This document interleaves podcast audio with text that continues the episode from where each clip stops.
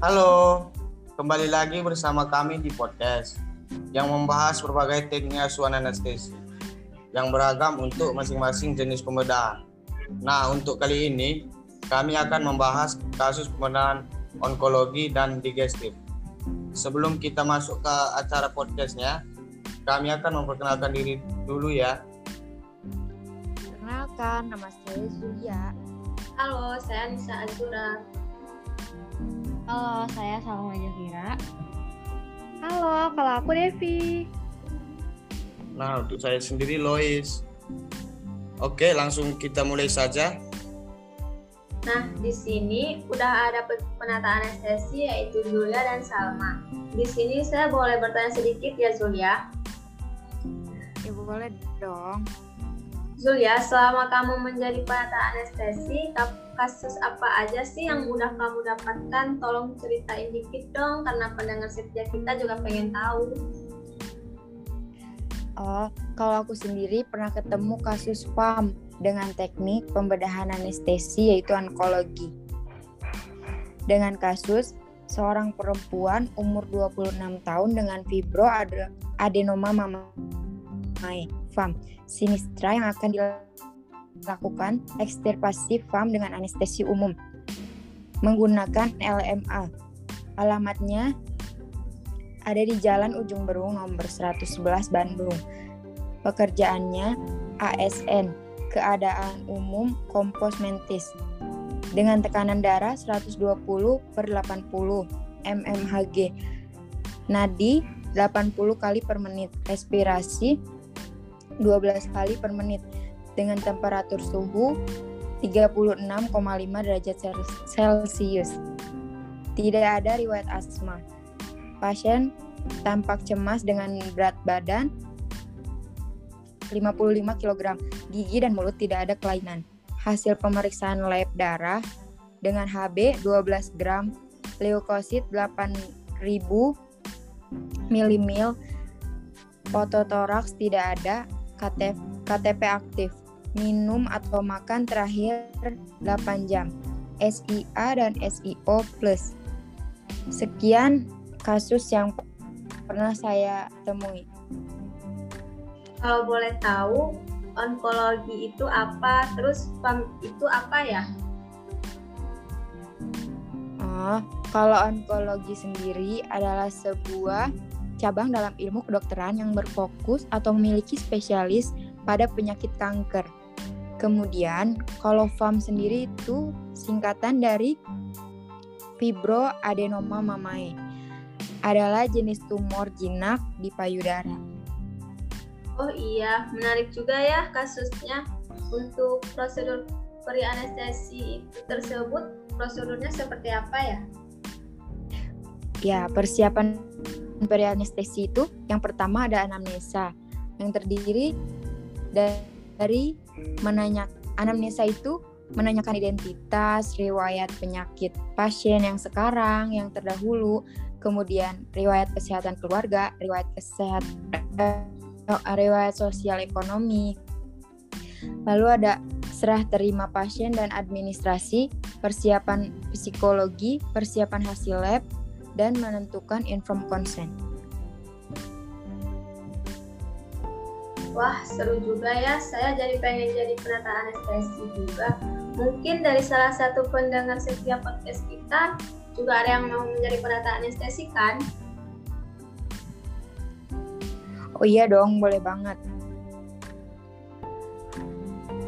Ada yang mau ditanyakan lagi nih, Sa? Sepertinya udah cukup, Sul. Makasih ya. Mungkin Iya, sama-sama. Mungkin Devi ada yang mau ditanyain lagi? Iya nih nih, bisa. Tapi saya akan bertanya ke Salma. Untuk Salma sendiri pernah mendapatkan kasus apa ya? Oh iya Dev, jadi uh, uh, kalau saya pernah mendapatkan kasus appendix kronis dengan teknis pembedahan anestesinya digesif.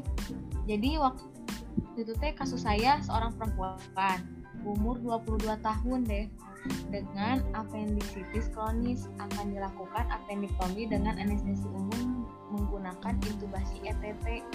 Alamatnya Jalan Ranca Ekek nomor 10. Pekerjaannya mahasiswi. Keadaan umumnya kompos mentis. Tekanan darah 120 per 80 mmHg. Nadinya 80 kali per menit. Respirasinya 12 kali per menit. Temperaturnya 37,5 derajat Celcius.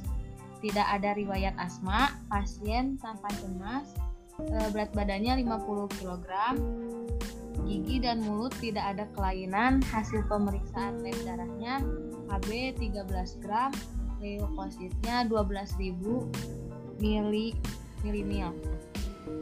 Fototoraks tidak ada tanda KP aktif, makan dan minum terakhir 6 jam. SIA dan SIO plus DEF.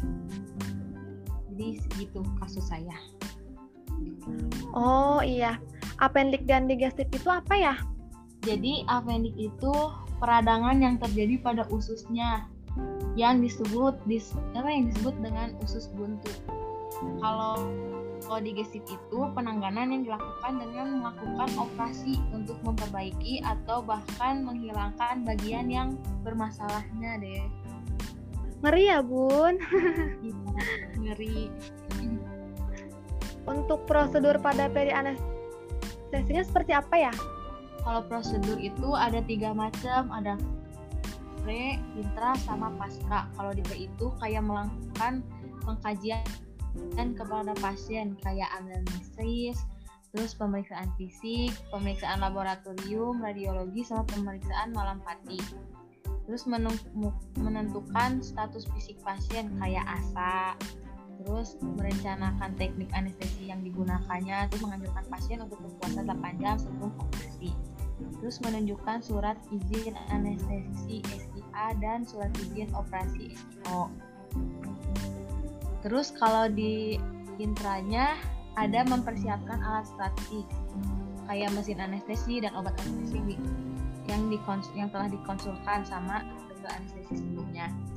Terus memposisikan pasien dengan posisi supine dan memasangkan infus alat monitoring kepada pasien kayak EKG sama oximetry.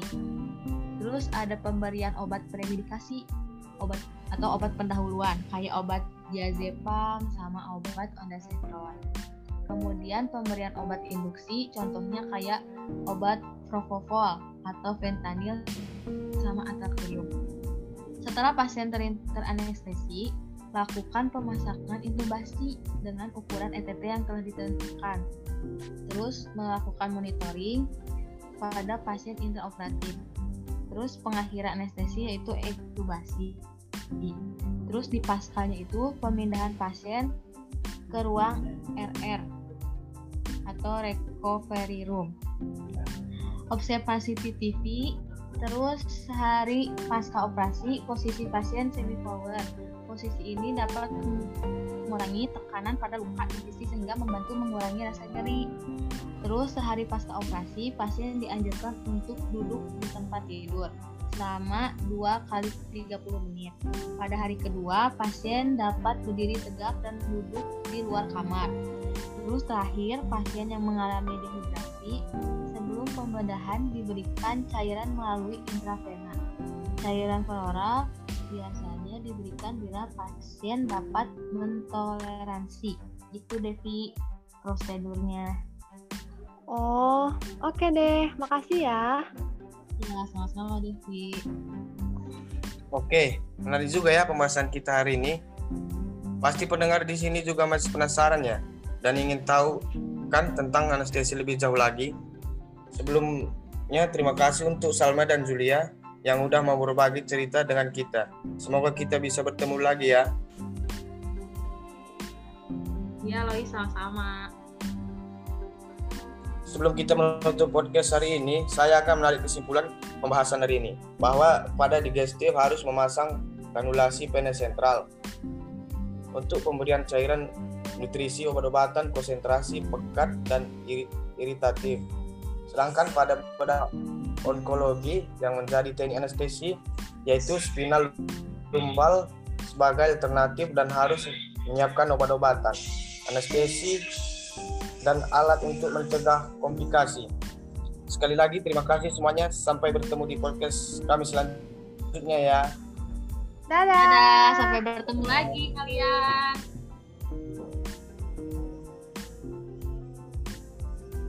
Alhamdulillah beres. Udah, Kak.